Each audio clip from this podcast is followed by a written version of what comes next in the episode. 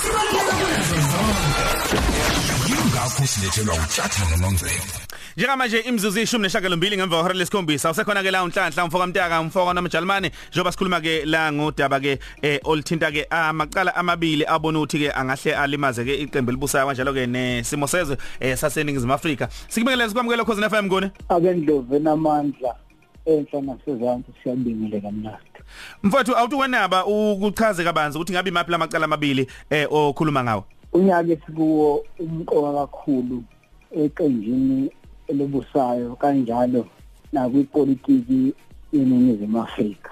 Umqoka unjalo kunezinto ngokwami ezimbili noma igameko ezimbili engase icijise imkhonto ngaphakathi eqenjini bese kuqapakela enhlakeni zikahulumeni kakhulukazi izinkantolo bese kuthinta nathi ke thina bontombuzane nabavoti.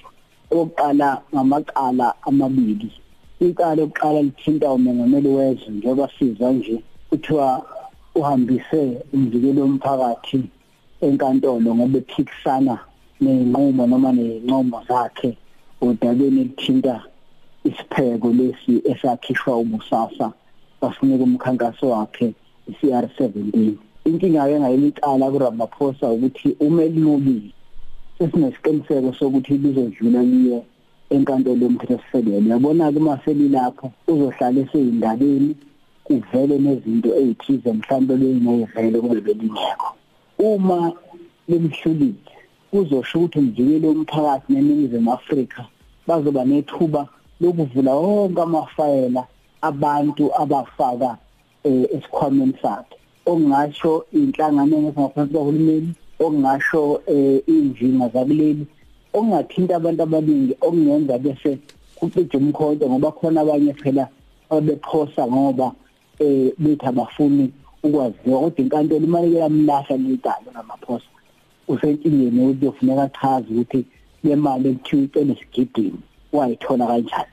Izinto ezileleyo ngoba njengoba kuyiwa nje ku-NGC umhlangano omkhulu kakhongolose eh okwazi ukunquma nokuguqula ezinye izinqumo uzongena khona elula uma lemlahlile icala. Kodwa uma lengamlahlanga njengoba ngisho sesinobufakazi ngokusho kwabanye abantu ade bekhona enkantolo bethula izethula ukuthi cha uma libahlile bazoya umthetho sisekelo sekindeni kura maphosa awufuni uma umengameli uloku kukhulunywa ngawe.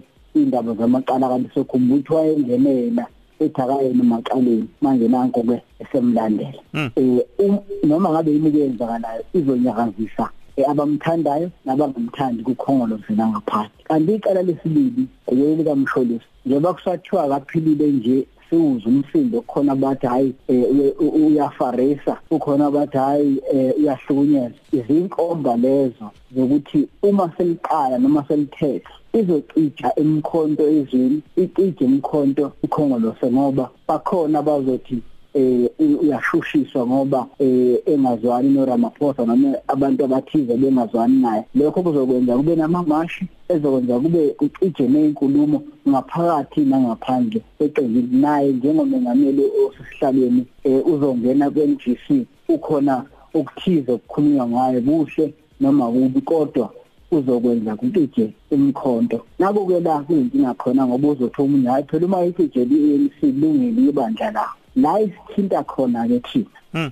ikhona into ezokwenzeka ezokwenza izinkantolo zethu kuphela ukuthenjwa kwazo ngiyayidabuyela izinkantolo zethu ngoba uma zike zathi uRamaphosa uyalwina noma saphumelela ekaleni kuzovela imibuzo oqala inkantolo noma umehluleli ohleli kule lelicala umehluleli umlambo. Sekukhona ukukhuluma ukuthi njalo ma abantu befuna ukugadla uhulumeni baya enkantolo yakhe bese bephumelela. Bebeya kwezinye bangaphumeleli. Uyabona ke mana lezi inkulumo uchaza ukuthi izinkantolo zethu sezingena odakeni okwesibili umeke umlambo wathi uRamaphosa eh uyaphumelela ekaleni kuzoba khona ababuza ukuthi awu ungani yayithe inkantolo yomthethosisekelo umvikelo womphakathi unelungelo lokuthi aguduze kanjalo nenqomo zakhe zingaphikiswa eh yini phole yaseyikhuluma eyomlambo okungamafuphi kuzokwenza abantu babuze ukuthi kanti inkantolo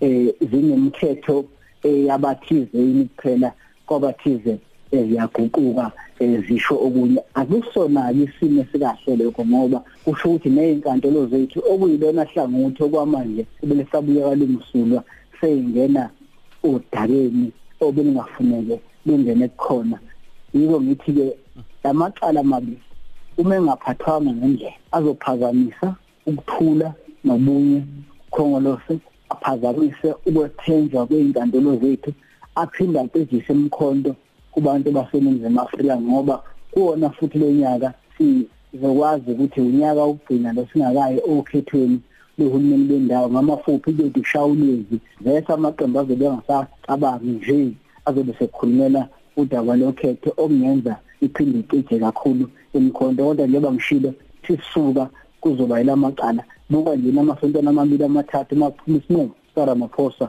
ubokwazi ukuthi ke isiqalile makubuya lezuma enkantolo bokwazi ukuthi siqalile sibhekene nesimo la khona kungenzeka sixoveke njengezwe uma lamacala engaphathwa kahle Hmm. Nguni siyabonga kakhulu mfowethu ngesikhathi sakho sikufisela usuku oluhle. Siyabonga. Nhlanhla mfoka mtaka ke lo uyamthola ke lapha na ke eh, ku Facebook uthi nje ke bayede news kade ku Twitter @nhlanhla mtaka. Hlaziya ipolitiki ngolimi lwakho.